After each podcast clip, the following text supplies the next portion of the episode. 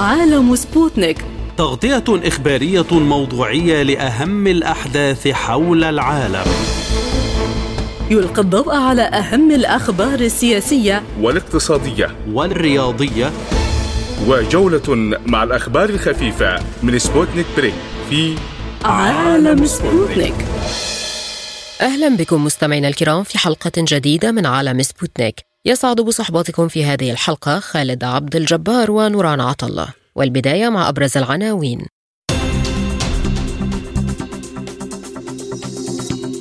حماس تلوح بتعليق المفاوضات وتحذر من العبث بالجبهة الداخلية الفلسطينية. تناقض أمريكي مع إعلان واشنطن رفض اجتياح رفح والاستعداد لمد إسرائيل بمزيد من القنابل والأسلحة. بلينكين يقول إن أكبر تهديد لأمن إسرائيل هو إيران ويجب عزلها مع وكلائها وهناك فرصة كبيرة لتطبيع إسرائيل مع جيرانها. أوربن يرفض الانجرار للصراع في أوكرانيا ويعارض فرض عقوبات على روسيا ويطالب بتغييرات في بروكسل. بكين تؤكد أن الصين وروسيا تعملان على تعزيز الاستقرار العالمي. إلى التفاصيل. قال مصدر قيادي في حركة حماس إن الحركة تنوي تعليق المفاوضات بشأن تبادل الأسرى ووقف إطلاق النار حتى يتم إدخال المساعدات إلى محافظتي غزة وشمال قطاع غزة.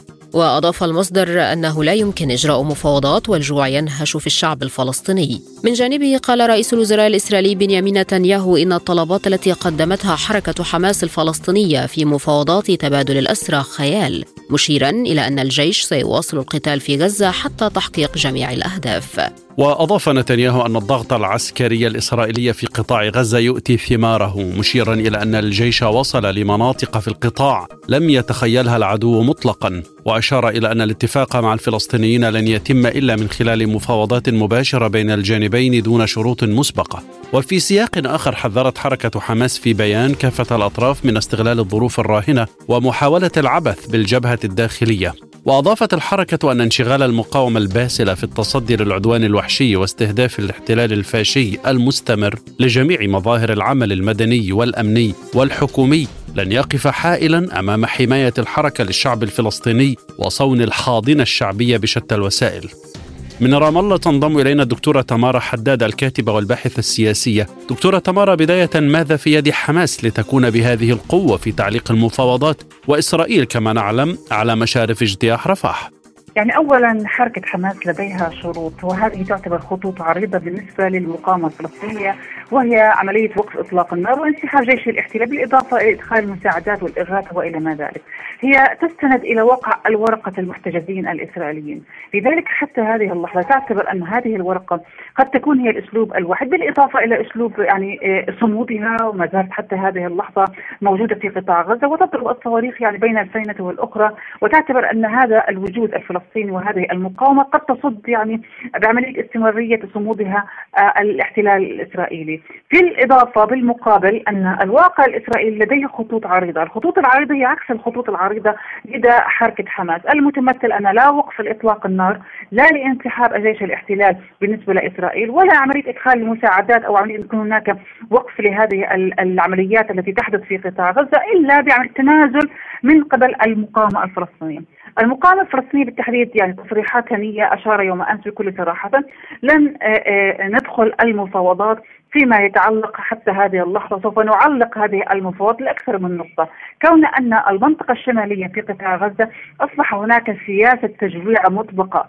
لا يوجد هناك إدخال بشكل ممنهج ومخطط إلى المنطقة الشمالية التي يتواجد فيها قرابة 250 ألف إلى 300 ألف مواطن فلسطيني فقط في المنطقة الشمالية. والآن يعانوا من الموت البطيء نظرا أن سياسة التجويع الممنهجة باتت الآن هي الراسخة في المنطقة الشمالية ولا يوجد هناك إدخال المساعدات حتى على المستوى الدقيق والصحيح. لا تدخل بشكل واقعي في المنطقة الشمالية. فيما يتعلق منطقة الجنوبية منطقة رفح في بالتحديد أن المقاومة الفلسطينية باتت تشير الآن أن أصبح هناك تحركات داخلية تقوم بها إسرائيل عبر هنا أو عبر الإعلام أو عبر بعض الادوات وآلياتها أن أصبحت تريد ضرب الحاضنة الشعبية للمقاومة الفلسطينية. بات اليوم هناك بعض المواطنين يطالبون بتنحي حركة حماس في قطاع غزة والنظر إلى البعد المعاشي وإدخال المساعدة ووقف إطلاق النار يعني بات اليوم المواطن الفلسطيني في قطاع غزة ينظر إلى البعد المعاشي دون أن يكون هناك مهما كان الحكم الذي سوف يأتي إليه. لذلك المقاومة الفلسطينية عندما تسمع هذه الآراء هي تتشدد تتشدد في اتباع وقف إطلاق النار. لأنها تعلم تماما أن عدم توقف إطلاق النار هذا استمرار المجازر البشرية. هذا يعني عدم إدخال المساعدات الإنسانية وهذا يعني أن الحصار المطلق قائم على أرض الواقع. هذا يعني انسحاب الجيش لن ينسحب من قطاع غزة. لذلك أصبح الآن كلا الطرفين حماس وأيضا إسرائيل بقيا يصعدان على الشجره لكن الضحية الكبرى حتى هذه اللحظة هي الواقع المدني الفلسطيني، لا نلوم الشعب مواطنين الفلسطينيين عما يشيرون آه، في سياق انهم يريدون البعد المدني والبعد المعاشي، لكن بالفعل آه، إسرائيل بتعنتها وتصميمها للدخول منطقه رفح التي تحاول أن تستخدم هذا الأمر عبر الاعلام كمناورة سياسية ومناورة إعلامية حتى تضغط على المقاومة للتنازل عن شروطها. لكن على ما يبدو أن نتنياهو بتصريحاته يوم أمس أشار لثلاث كلمات وأعادها بكلمة واحدة لا تنازل لا تنازل لا تنازل كلمة لا تنازل هذا يعني لا تنازل عن لشروط حماس كون هذا يعتبر هزيمة بالنسبة لإسرائيل. ولا أن يتم التنازل عن خطوطه العريضة التي بات يصيغها كوثيقة من أجل إرسالها عبر الوسط الإسرائيلي الذي قد يكون هناك في زيارات قادمة لمنطقة قطر رغم كان هناك زيارات في القاهرة لترسيخ المفاوضات من أجل الوصول إلى هدنة مؤقتة. عدم نجاح الهدنة المؤقتة فيما يتعلق إخراج المحتجزين عن طريق خيار المفاوضات أعتقد أن واقع يعني الدخول إلى منطقة رفح مسألة وقت وقد يكون خلال شهر رمضان الذي هو يعتبر الشهر الأكثر صعوبة وأكثر خطورة على المواطن الفلسطيني في الضفة وقطاع غزة. أعتقد سوف يكون هناك بالفعل الدخول لمنطقة رفح في هذا الشهر حتى يضغط يضغط ويضغط على المقاومة الفلسطينية لتتنازل عن شروطها وهي المتمثلة بعملية يعني إخراج المحتجزين بالمقابل شروط قائمة ضمن ضمانات حقيقية تريدها المقاومة وهي وقف إطلاق النار انسحاب الجيش بالإضافة إلى الأمور اللوجستية الأخرى المتعلقة بقطاع غزة والواقع المدني في قطاع غزة. ألا تخشى حماس من تحرير الرهائن بعد الأمل الذي بدأ يداعب إسرائيل مع أول تحرير لرهينتين؟ إذا تحدثنا بكل واقعية نتنياهو الآن لا يعمل إلا فقط لنتنياهو. يعني بمعنى نتنياهو فقط لمصالحه الشخصية وتوافقه مع بن جفير سموتريتش في عملية استمرار الحرب كخيار بعملية إخراج الرهائن المحتجزين. لكن باعتقادي أن المقاومة الفلسطينية بالفعل يعني أنا باعتقادي الشخصي أن استمرار الوقت واتخاذ مسألة الوقت لن يكون لصالح المقاومة، لماذا؟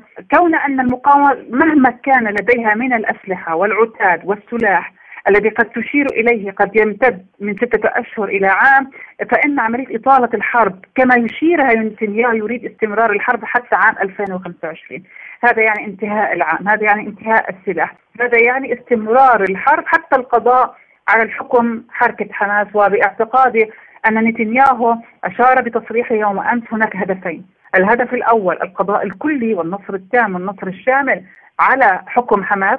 وإن قضى عسكريا حتى وبقي سياسيا أعتقد حتى على مستوى سياسيا لا يريدها نتنياهو رغم أن عمليه القضاء كفكر وإيديولوجيا صعب عمليه قضائها بين صفوف الشعب الفلسطيني لكن كواقع حكم أعتقد إسرائيل مصممة حتى هذه اللحظة بالقضاء على حكم حماس. هذه النقطة.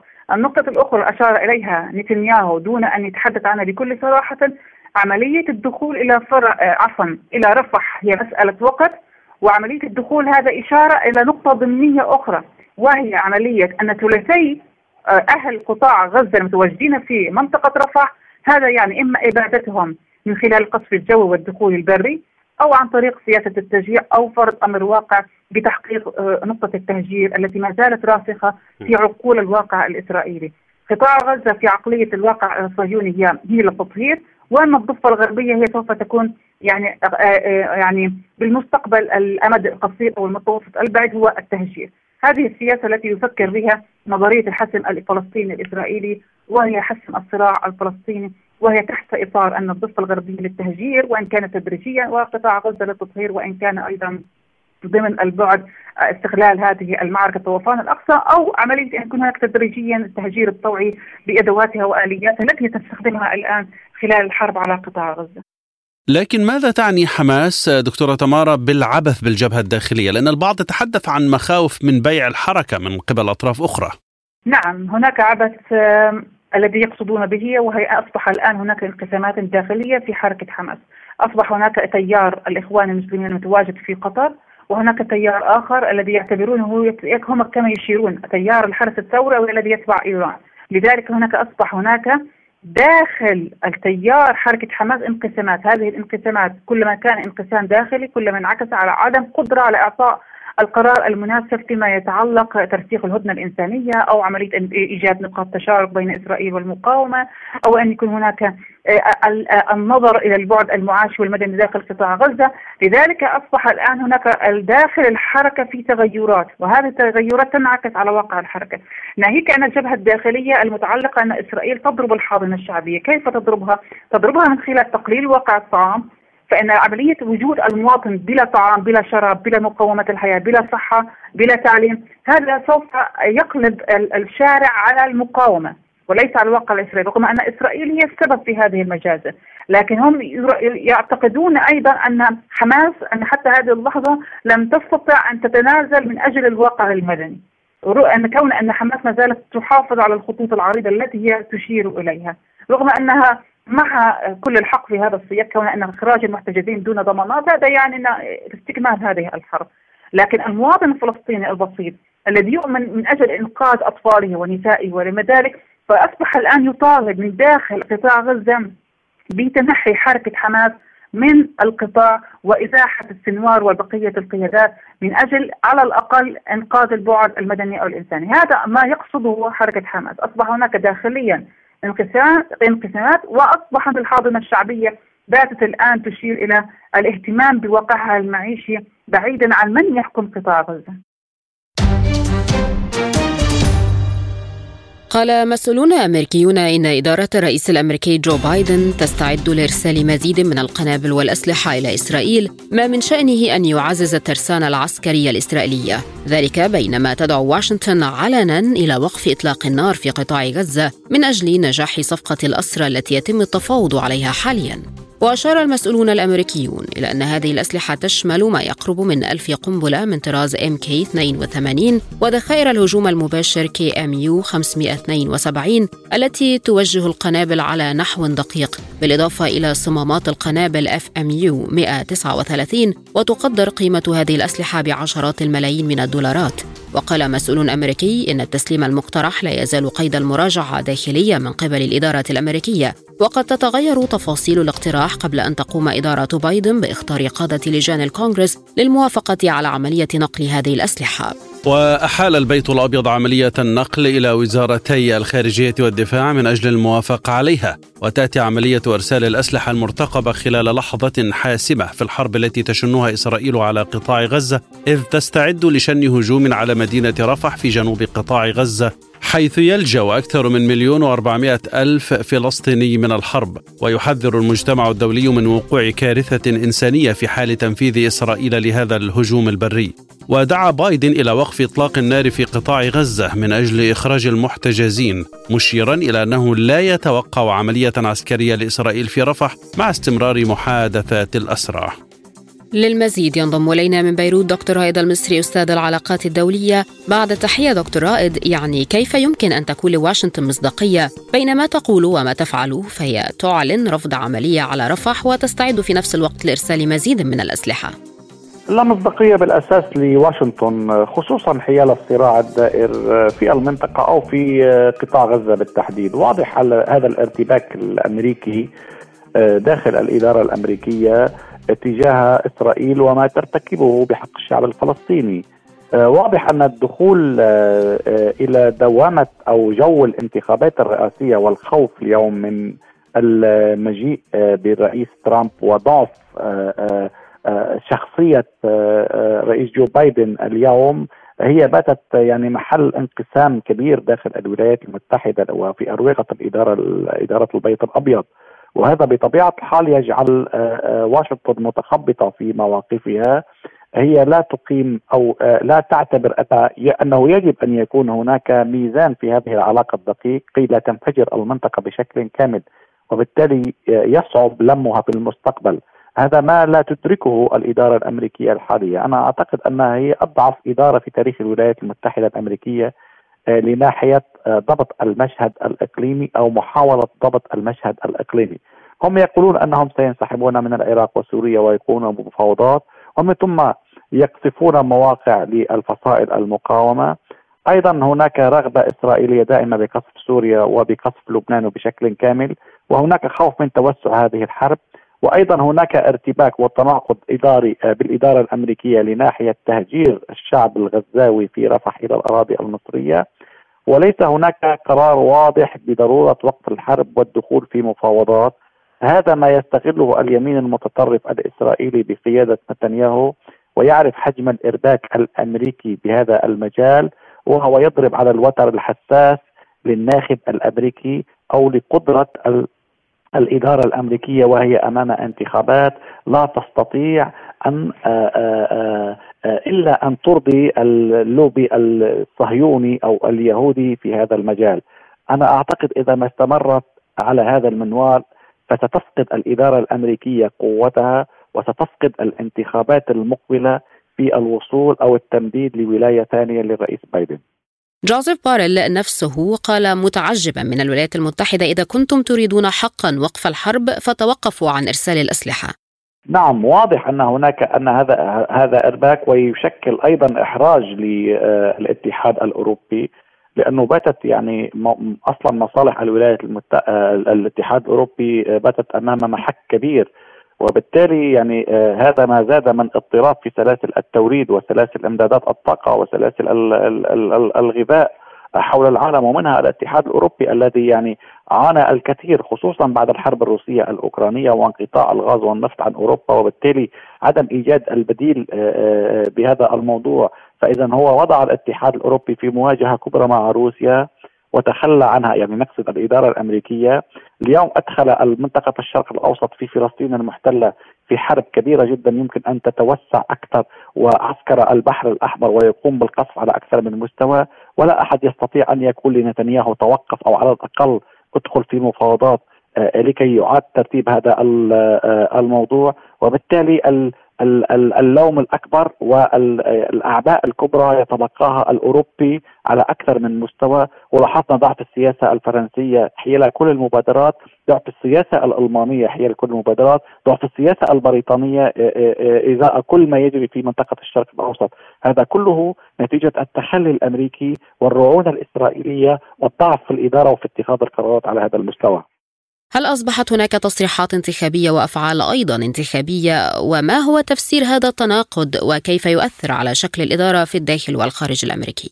هلا بدنا نلاحظ إنه اليوم آه، آه، إذا كان يعني لا يعني إنه مجيء ترامب أنه سيعطي حقوق الفلسطينيين أو سيقوم بتسوية في منطقة الشرق الأوسط لكن على الأقل إدارة ترامب آه، لها منهج ووجهة خاصة بأي اعتبار على مستوى الصراع والنزاع حول العالم وفي آه، منطقة الشرق الأوسط. لكن التردد الإدارة الأمريكية الحالي في هذا الموضوع معنى ذلك أنه يأخذ المنطقة إلى حافة الهاوية. آه، بالأساس عندما كان يتخذ أو يريد أن يتخذ ترامب عندما كان رئيسا آه، وداخل البيت الأبيض يأخذ قرار يحسمه سريعا ومن ثم ينتقل إلى قرارات أخرى أو إلى اتخاذ أو اتهاج سياسات أخرى.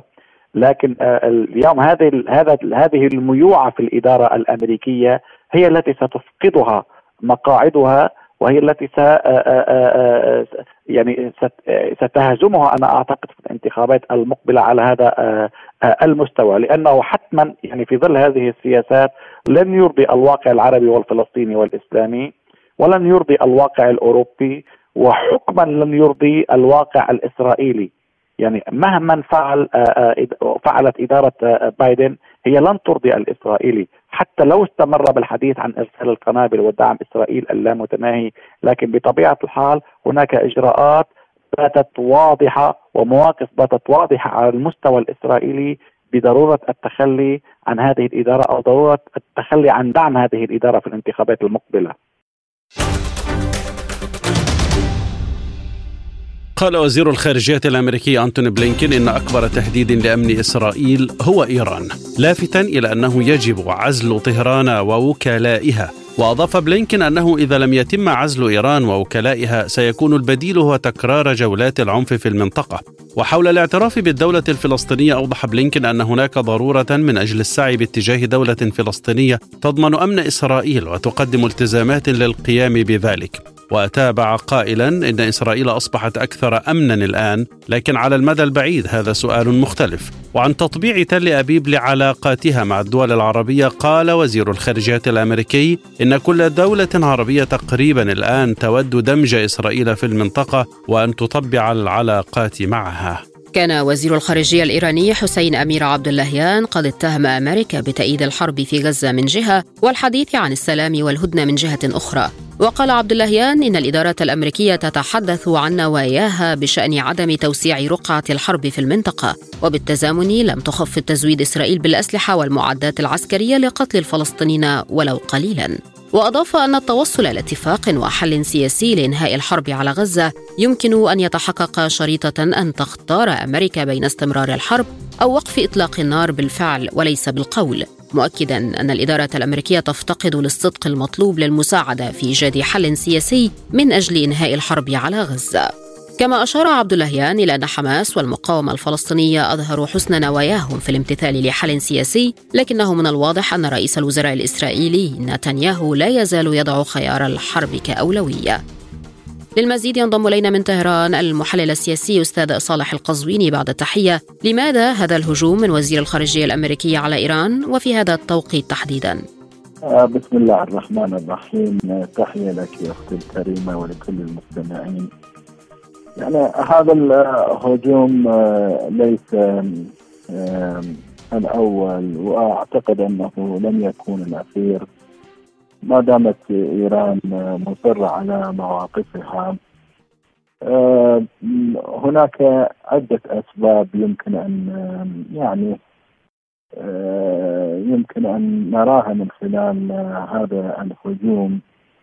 السبب الأول أنه الطرف الآخر وخاصة الطرف الأمريكي والطرف الإسرائيلي يريد يوحي للعالم يوحي للأمريكيين يوحي للمنطقة أن ما تقوم به المقاومة الفلسطينية في آه، فلسطين ضد الكيان الصهيوني وخاصة العمليات والمكاسب اللي حققتها وحتى الآن الكيان الصهيوني لم يستطع القضاء على هذه المقاومة، يريد يقول أن من يقف من وراء المقاومة ومن يدعم هذه المقاومة والذي يدافع عن هذه المقاومة هي إيران.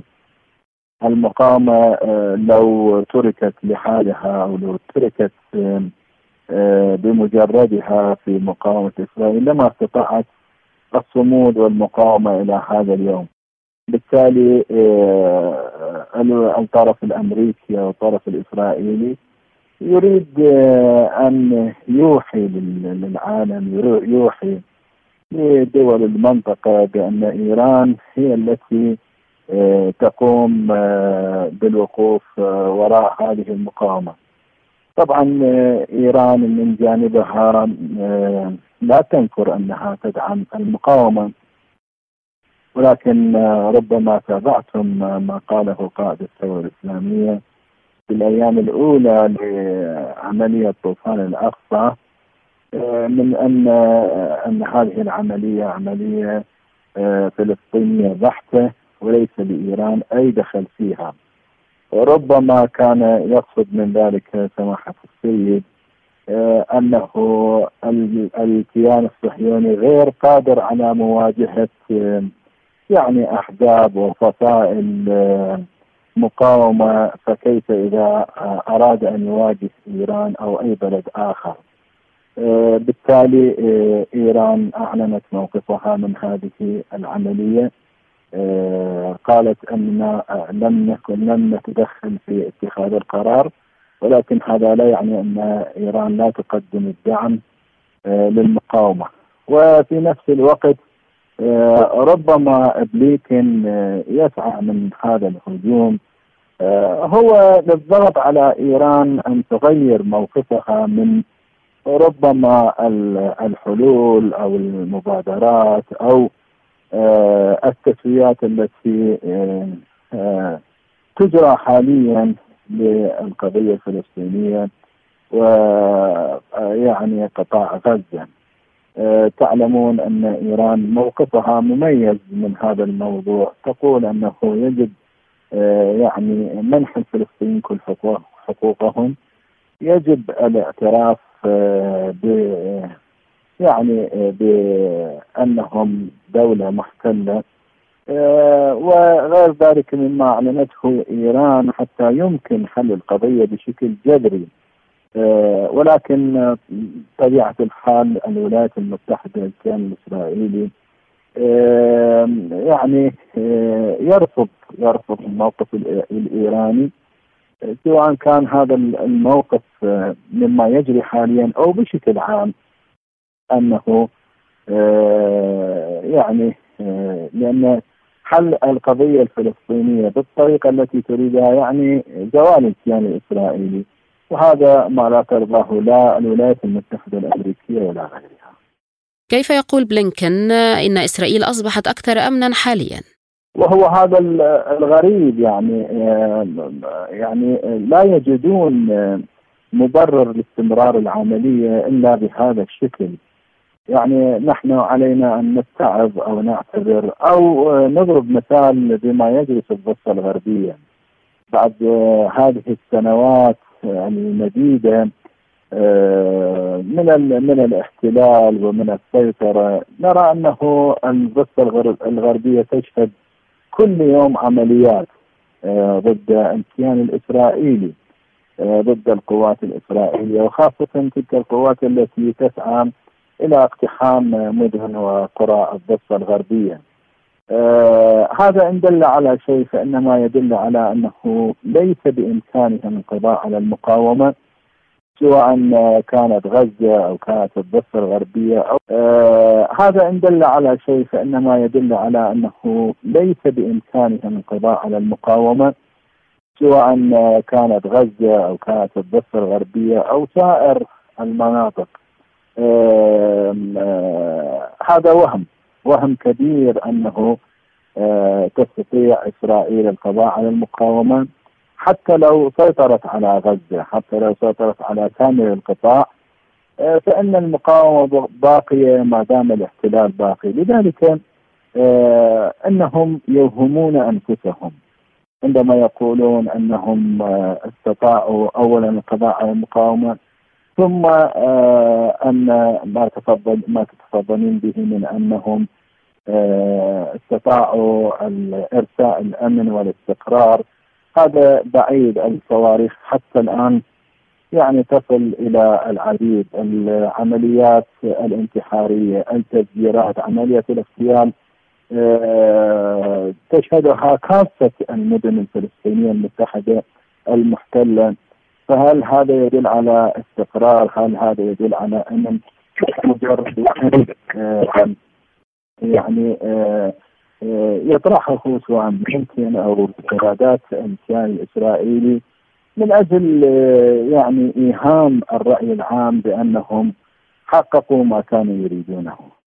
هل تصريحات بلينكن يمكن أن تكون بداية لتخطيط مستقبلي للعمل ضد من يسميهم وكلاء إيران وكيف؟ يعني حاليا يجري هذا العمل. آه، هذا العمل آه، يجري آه، سواء في لبنان أو في العراق أو في اليمن أو حتى إيران. يعني إيران ترون أنه بين فترة وأخرى يعني يحتجزون سفينة أو يفرضون المزيد من العقوبات. وكذلك الحال بالنسبة إلى لبنان وحزب الله هناك مواجهة مباشرة. اليمن أيضا هناك مواجهة مباشرة. ولكن أثبتت التجربة أنه يعني كلما زادوا في ضغوطهم كلما يعني تقوت يعني الفصائل المتحالفه مع إيران أصدقاء ايران كذلك الحال بالنسبة إلى إيران. يعني نشهد أنه المزيد من القوة المزيد من التطور في قدراتها العسكرية. بالتالي هذا مجرد يعني ادعاء مجرد ادعاء من كان يظن أنه سوف يأتي اليوم الذي تسيطر فيه مجموعة مجموعة أنصار الله. في اليمن وبإمكانها أن توجه ضربات وضربات قاسمه للولايات المتحدة. وصل وصلت الأمور إلى هذا الحد نتيجة السياسات الأمريكية.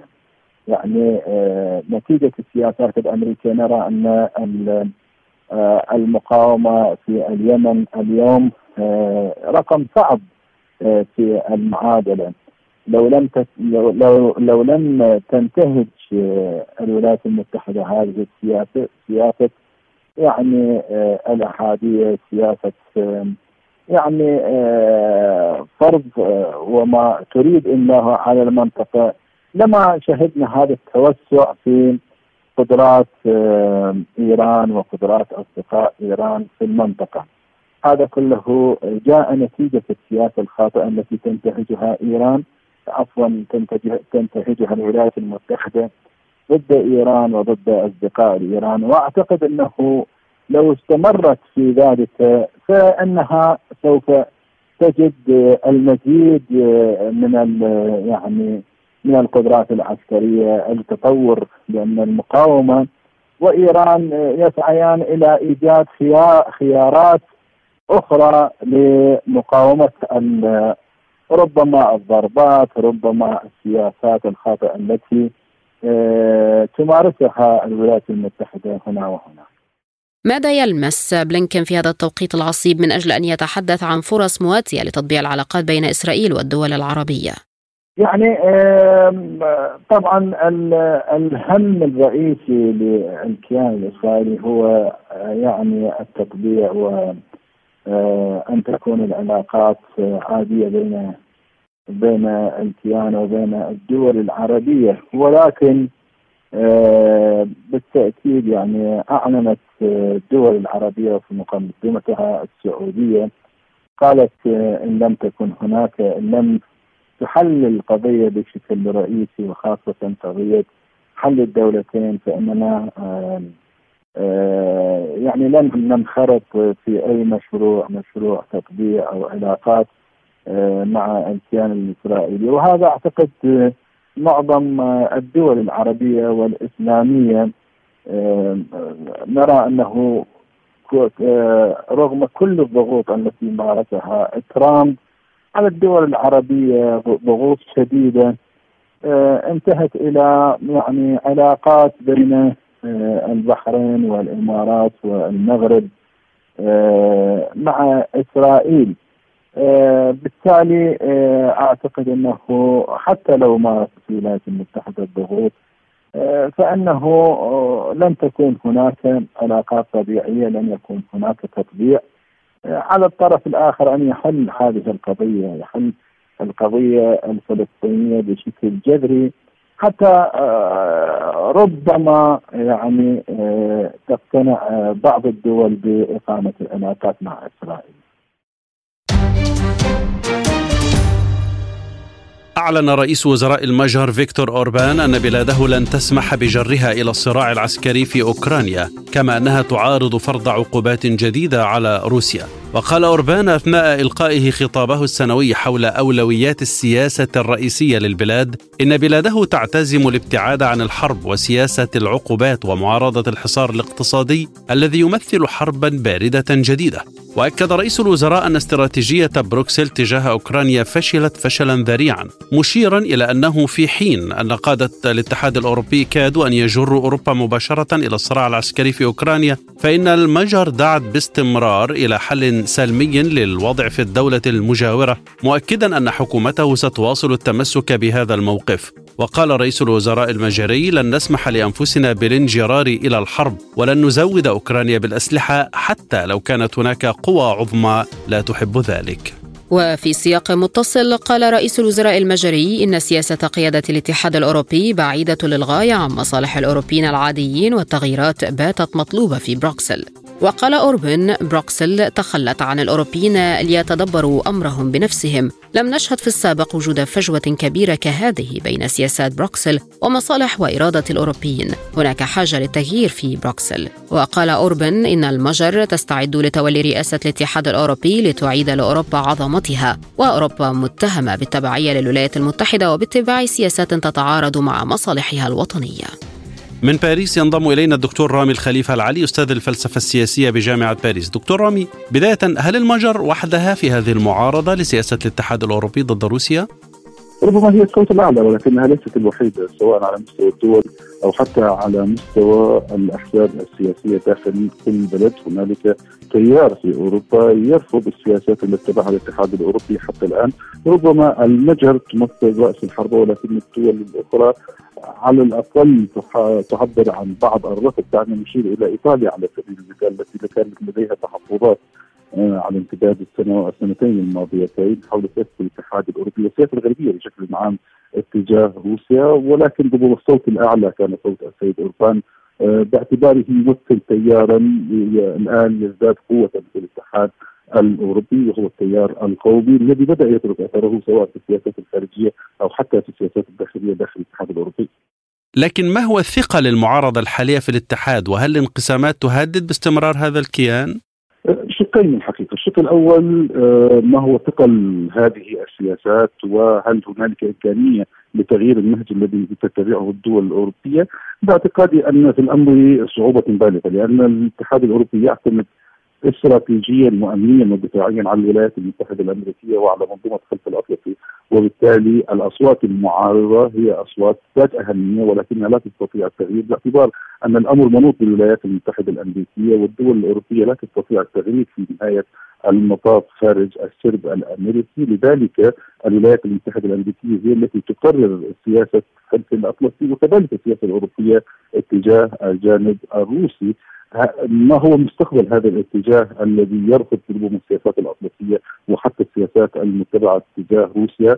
أه باعتقادي أنه يزداد قوة خلال السنوات الماضية وربما أيضا خلال السنوات القادمة والأمر حقيقه ليس فقط السياسة الغربية تجاه الجانب الروسي ولكن أيضا مرتبط بعوامل داخلية. هنالك نمو لليمين الشعبوي للتيار القومي الموجود في أوروبا وهذا بالتأكيد يرفض يصل اولا منظومة الاتحاد الأوروبي وسياسات الاتحاد الأوروبي، الجانب الثالث أيضا مستقبل الاتحاد الأوروبي، هنالك كثير من التساؤلات وهنالك حتى كثير من الجدل حول مستقبل الاتحاد الأوروبي باعتبار أن هنالك الكثير من العوائق، هنالك الكثير من التوهج، هنالك حالة من الضعف على مستوى السياسة الخارجية التي أريدت بالفعل بالجانب الأمريكي، هنالك كانت دعوات كما تعلم لإقامة مؤسسة أو منظومة عسكرية تابعة للاتحاد الأوروبي ولكن ذلك لم ينجح حتى أن رئيس ماكرون دعا إلى إنشاء جيش أوروبي ولكن أيضا ذلك لم ينجح، كل هذا يطرح الكثير من التساؤلات حول الاتحاد الأوروبي، ربما النقطة الباقية هي العوامل الاقتصادية التي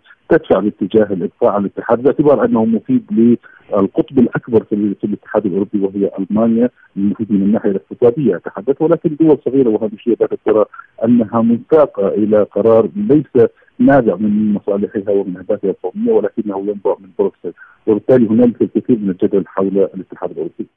طيب ما هي التغييرات التي يمكن أن تحدث في قيادة الاتحاد الأوروبي ويطالب بها أوربان؟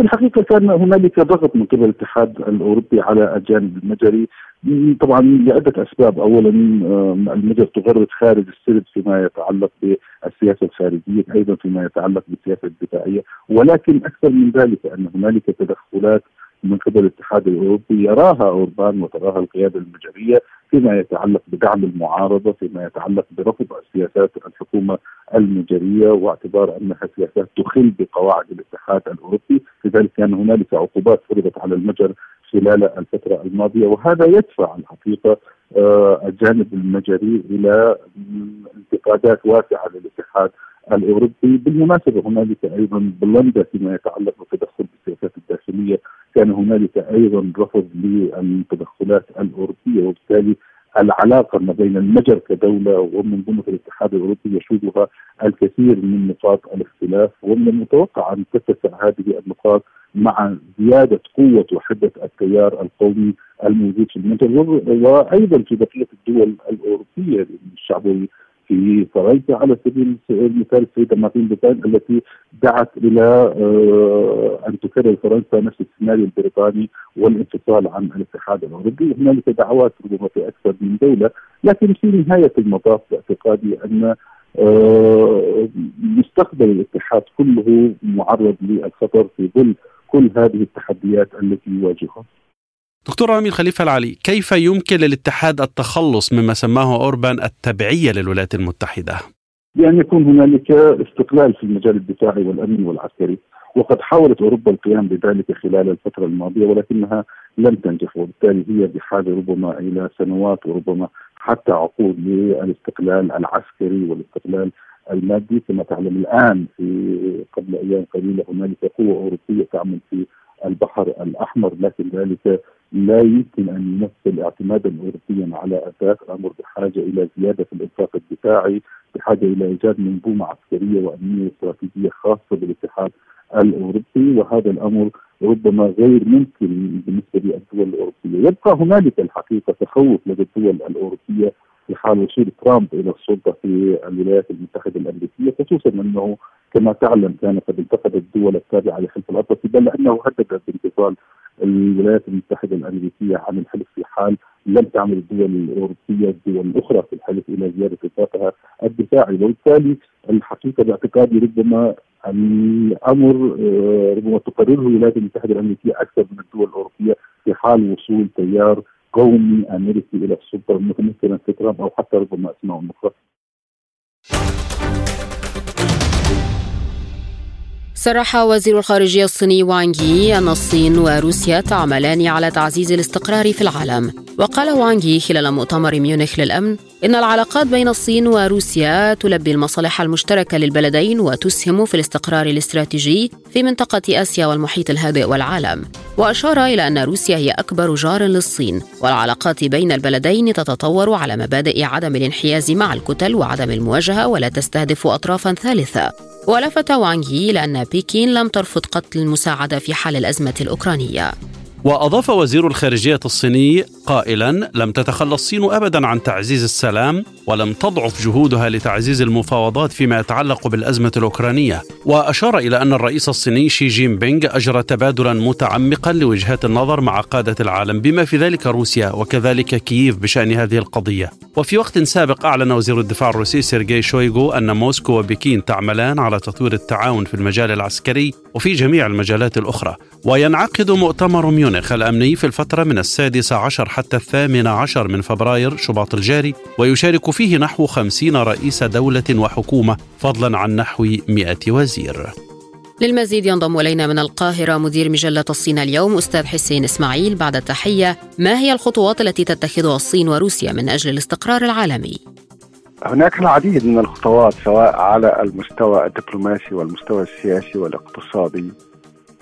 الصين وروسيا يدعمان آه، الحلول السلمية والتفاوض في العديد من القضايا الدولية الملتهبة حاليا. وعلى سبيل المثال آه، لدينا يعني هذه الحرب الإسرائيلية على فلسطين في قطاع غزة. والموقف الصيني والموقف الروسي يكاد يكون يعني واحدا. وهو آه، الدعوة إلى وقف هذا القتال ومراعاة آه، آه، حقوق الشعب الفلسطيني والدعوة الصريحة إلى إقامة دولة فلسطينية عاصمتها القدس وعلى حدود الرابع من يونيو حزيران 1967 أيضا هناك الدعوة إلى تسوية الصراع أو النزاع بين روسيا وأوكرانيا، الصين كانت لها لا نقول مبادرة ولكن لها كانت لها مقترحات وهي مقترحات آه، يعني جديرة بأن ينظر إليها باعتبارها السبيل الأمثل لإيقاف هذا الصراع.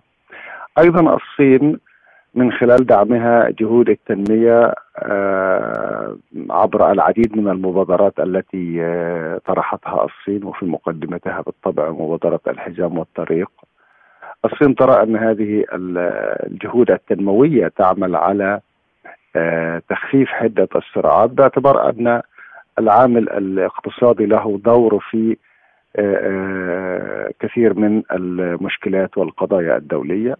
وكلنا نتذكر أيضا أن الصين كان لها دور آه، مميز وملحوظ في التوصل إلى تسوية آه، بين إيران والمملكة العربية السعودية. أسفرت عن آه، اتفاق تم بموجبه إعادة العلاقات بين البلدين بعد يعني سنوات طويلة من المواقف العدائية. آه، هناك أيضا على آه، الصعيد الاستراتيجي الصين وروسيا تتبنيان فكرة إقامة نظام دولي متعدد الأقطاب لا ينفرد فيه آه، بلد واحد أو قوة واحدة أو حتى تكتل من البلدان بتقرير مصير العالم لابد أن يكون هناك شراكة من مختلف الدول حتى الصغيره منها في صياغة القرارات الدولية وتحديد مستقبل العالم. الصين وروسيا يعارضان الهيمنة الأمريكية بكافة أشكالها. كل هذه عوامل آه، تضع الصين وروسيا في مقدمة القوى الدولية الكبرى التي تعمل على تحقيق الاستقرار في العالم.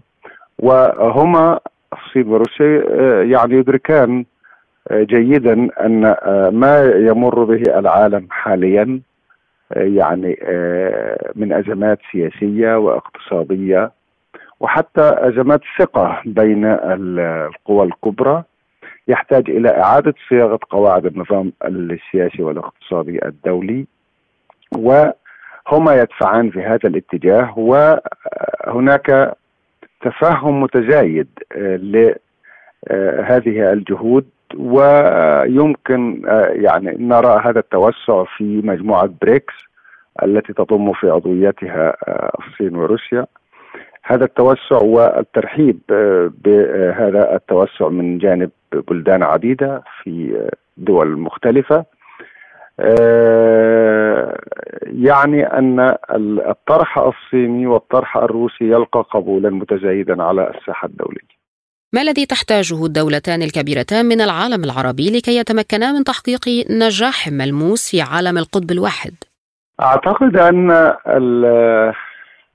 الصين وروسيا آه، في حاجة إلى آه، أن يتخذ خطوات أكثر آه، يعني جرأة في الانخراط في القضايا الساخنة بالنسبة للمنطقة العربية سواء على الصعيد الاقتصادي وعلى الصعيد السياسي. بالتأكيد هناك انخراط ولكن أنا أتصور أن مزيدا من الجهود التنموية والاستثمارات الصينية والروسية والتعاون العلمي والتقني والتعاون حتى في مجالات التكنولوجيا المتطورة. هذا يعطي للصين وروسيا آه، ميزة لدى الدول العربية التي هي في حاجة إلى مزيد من التنمية. آه، القدرات الصينية والروسية يمكن أن تسمح بذلك. على المستوى السياسي أعتقد أن الدول العربية في حاجة إلى مواقف صينية وروسية أكثر آه، يعني صلابة. على سبيل المثال في الوضع الحالي الصراع الإسرائيلي الفلسطيني أعتقد أن آه، أن هناك حاجة إلى لغة أكثر وأفعال أكثر قوة في مواجهة آه، هذا يعني الانحياز الأمريكي الواضح لتل أبيب. آه، ربما هذا سيجعل الدعم العربي لجهود الصين وروسيا في بناء نظام عالمي جديد أكثر قوة وأكثر وضوحا لأن عندما تتضح الملامح ملامح الموقف الصيني والروسي آه، بشكل عملي سواء على صعيد المنظمات الدولية أو على صعيد العلاقات الثنائية هنا يمكن أن نشهد آه، يعني تحولا كبيرا في الدعم العربي لكل من الصين وروسيا في جهودهما لتحقيق السلام والاستقرار في العالم وفي صياغة نظام عالمي آه، متعدد الأقطاب. يزداد التوتر حول العالم وخاصة في الشرق الأوسط المليء بالبؤر الملتهبة وللأسف المنظمات الدولية أثبتت عجزها تماما فما هو البديل إذن؟ آه كما قلت هو ال ال هذه المنظمات آه آه معظمها إن لم يكن كلها نشأ في إطار هيمنة غربية وبالتالي هذه المنظمات آه أصيبت بحالة من ما يشبه الشلل أو العجز التام. آه مجلس الأمن نموذجا لم يستطع مجلس الأمن حتى الآن الوصول إلى قرار آه يوقف الحرب الإسرائيلية على الفلسطينيين بسبب صوت واحد دولة واحدة هي الولايات المتحدة الأمريكية. وبالتالي هذا النظام نظام فاشل نظام لا يسهم في تحقيق السلم والأمن الدوليين. ومن ثم ينبغي أن تكون هناك قواعد جديدة لنظام دولي جديد يشارك في صياغته كافة الدول الكبيرة والصغيرة ويكون هناك نوع من التوازن في اتخاذ القرار بما لا يؤدي إلى هذه الحالة من الشلل التي يعني ندركها ونعيشها واتضحت جليا في هذه الحرب الإسرائيلية على الفلسطينيين في غزة.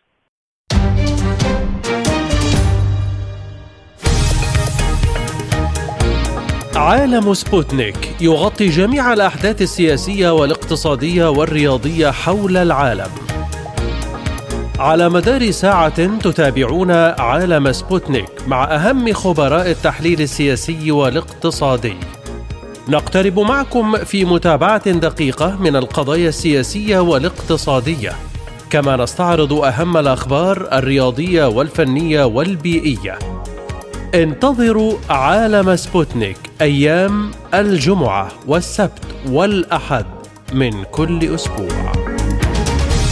ملفات ساخنة برنامج يسلط الضوء على أهم القضايا الحرجة في العالم. في ملفات ساخنة نستعرض القضايا مع جميع الأطراف ومن كل الزوايا لاستجلاء الحقيقة. ملفات ساخنة يستضيف أهم الخبراء وأجرأ الضيوف. تابعوا ملفات ساخنة مع راديو سبوتنيك أيام السبت والثلاثاء والخميس من كل أسبوع.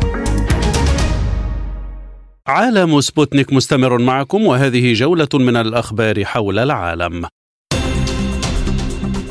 صرح الرئيس الروسي فلاديمير بوتين بأن كل ما يحدث في أوكرانيا هو مسألة حياة أو موت وأمر مصيري بالنسبة لروسيا في حين يتعلق الأمر بموقف تكتيكي بالنسبة للغرب. وقال بوتين خلال لقاء إعلامي أنه يعتقد أنه بالنسبة لروسيا وبدرجة أكبر بالنسبة للمستمعين والمشاهدين بالخارج لا يزال من المهم فهم تسلسل أفكارنا وفهم وضعنا وفهم مدى حساسية هذا الأمر وأهميته بالنسبة لبلدنا وأعني كل ما يحدث في أوكرانيا. وأضاف بوتين أنه بالنسبة للغرب يعد ذلك تحسنا في موقفهم التكتيكي ولكن بالنسبة لنا يعد ذلك امرا مصيريا ومسألة حياة أو موت. وفي وقت سابق أشار الرئيس فلاديمير بوتين في مقابلة مع الصحفي تاكر كارلسون إلى أن الدول الغربية بدأت تدرك استحالة إلحاق هزيمة استراتيجية بروسيا. كشف المتحدث باسم رئاسة روسيا ديمتري بيسكوف تفاصيل ما كان يجري داخل أروقة الكرملين خلال عملية تحرير مدينة أفديفكا من قبل القوات المسلحة الروسية. وأكد بيسكوف خلال مقابلة صحفية أن الرئيس الروسي فلاديمير بوتين تلقى التقارير الأولى بشأن عملية تحرير أفديفكا من وزير الدفاع الروسي سيرجي شويغو ورئيس الأركان العام للقوات المسلحة الروسية فاليري جراسيموف مضيفا أن الرئيس بوتين كان على علم بكل التفاصيل لافتا إلى أن الأنباء النهائية عن نجاح القوات الروسية بالسيطرة على أفديفكا وتحريرها تم تأكيده بعد الظهر. وأشار بيسكوف أنه خلال اللحظات الأولى من بدء عملية التحرير بدأت القوات والمجموعات الأوكرانية بالهروب جماعيا من أفديفكا متخلين عن مواقعهم القتالية حيث استغرقت عملية التحرير وتمشيط وتطهير المنطقة من قبل القوات المسلحة الروسية عدة ساعات أخرى. قال وزير الخارجية الصيني وانغي إن بكين ليست المنشئة ولا الطرف المتورط في الأزمة الأوكرانية لكنها لم تجلس وتتفرج مكتوفة الأيدي ولم تستغل الأزمة لتحقيق أرباح. وردا على سؤال حول موقف الصين من القضية الأوكرانية خلال جلسة الصين في العالم في مؤتمر ميونخ للأمن المنعقد حاليا أجاب وانغ أنه حتى لو تم استئنافها وقبل يوم واحد فقط ستنخفض الخسائر من جميع الأطراف. وشدد وانغ على أن الصين تعمل دون كلل لتعزيز محادثات السلام في أوكرانيا ولعبت دورا نشطا في استعادة السلام مؤكدا أنه إذا كان هناك بصيص من الأمل في السلام فلن نستسلم. كما أكد مجددا موقف الصين بشأن هذه القضية بما في ذلك احترام سيادة جميع البلدان ووحدة أراضيها ودعم غرض ومبادئ ميثاق الأمم المتحدة وأخذ الشواغل الأمنية المشروعة لجميع البلدان على محمل الجد ودعم جميع الجهود التي تؤدي إلى حل سلمي للصراع بحسب قوله. أعلن الرئيس التنفيذي لمجموعة روسيا سيغودنيا الإعلامية ومدير وكالة سبوتنيك الروسية ديمتري كيسيليوف أنه أرسل طلبا رسميا لإجراء مقابلة مع الرئيس الأمريكي جو بايدن. وكتب كيسيليوف في طلبه المرسل إلى المتحدثة باسم البيت الأبيض كارين جان بيير نعتقد أن بلدينا يفتقران إلى القدرة على الاستماع وسماع بعضهما البعض ونعتقد أن الرئيس الروسي فلاديمير بوتين أعطى مثالا جيدا بموافقته على إجراء مقابلة لنقل وجهة نظره للجمهور الأمريكي. وقال كيسليوف إنه في حال وافق الرئيس بايدن فمن المقرر أن تتم ترجمة المقابلة إلى اللغات الأجنبية ونشرها على مواقع وكالة سبوتنيك وعلى منصات إعلامية أخرى. قتل وأصيب عشرات الفلسطينيين اليوم الأحد بقصف إسرائيلي استهدف عدة مناطق وسط قطاع غزة وقصفت طائرات الجيش الإسرائيلي بشكل متزامن تسعة منازل في النصيرات والزوايده ودير البلح ثم قصف منزل آخر في دير البلح بوقت لاحق. وأفادت مصادر طبية فلسطينية بسقوط عدد من القتلى بينهم نساء إثر قصف شقة سكنية في دير البلح، كما قتل وأصيب العشرات إثر قصف مخيم النصيرات ومنزل عائلة حمد بالزويدة. وأطلقت زوارق الجيش الإسرائيلي النار نحو ساحل مدينة رفح جنوب غزة، كما قصفت مدفعيته المناطق الشرقية من المدينة.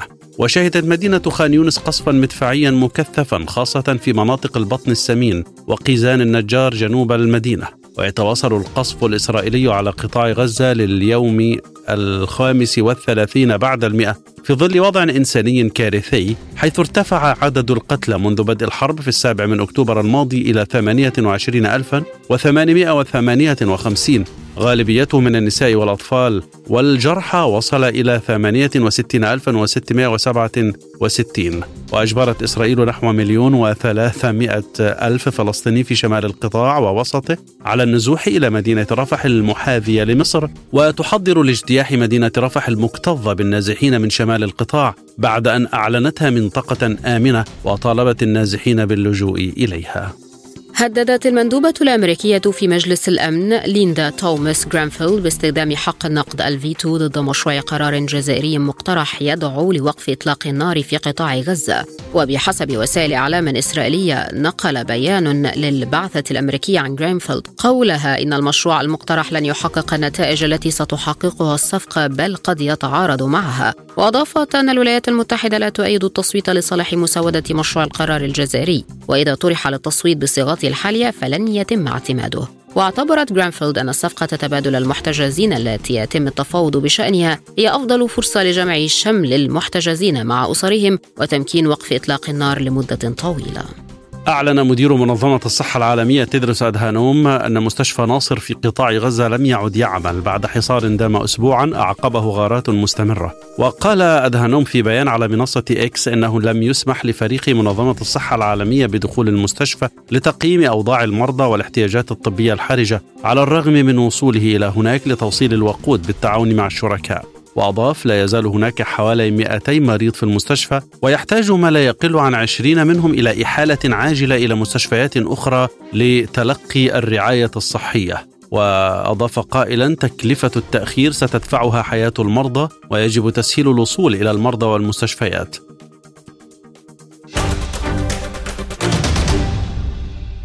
وفي الختام إليكم تذكرة بأهم ما جاء في عالم سبوتنيك هذا اليوم.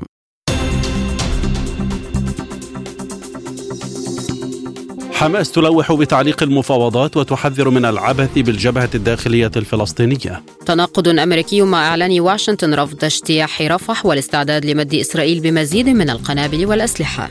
بلينكين يقول إن أكبر تهديد لأمن إسرائيل هو إيران ويجب عزلها ووكلائها وهناك فرصة كبيرة لتطبيع إسرائيل مع جيرانها. أوربن يرفض الانجرار للصراع في أوكرانيا ويعارض فرض عقوبات على روسيا ويطالب بتغييرات في بروكسل. بكين تؤكد أن الصين وروسيا تعملان على تعزيز الاستقرار العالمي. للمزيد زوروا موقعنا سبوتنيك إلى اللقاء.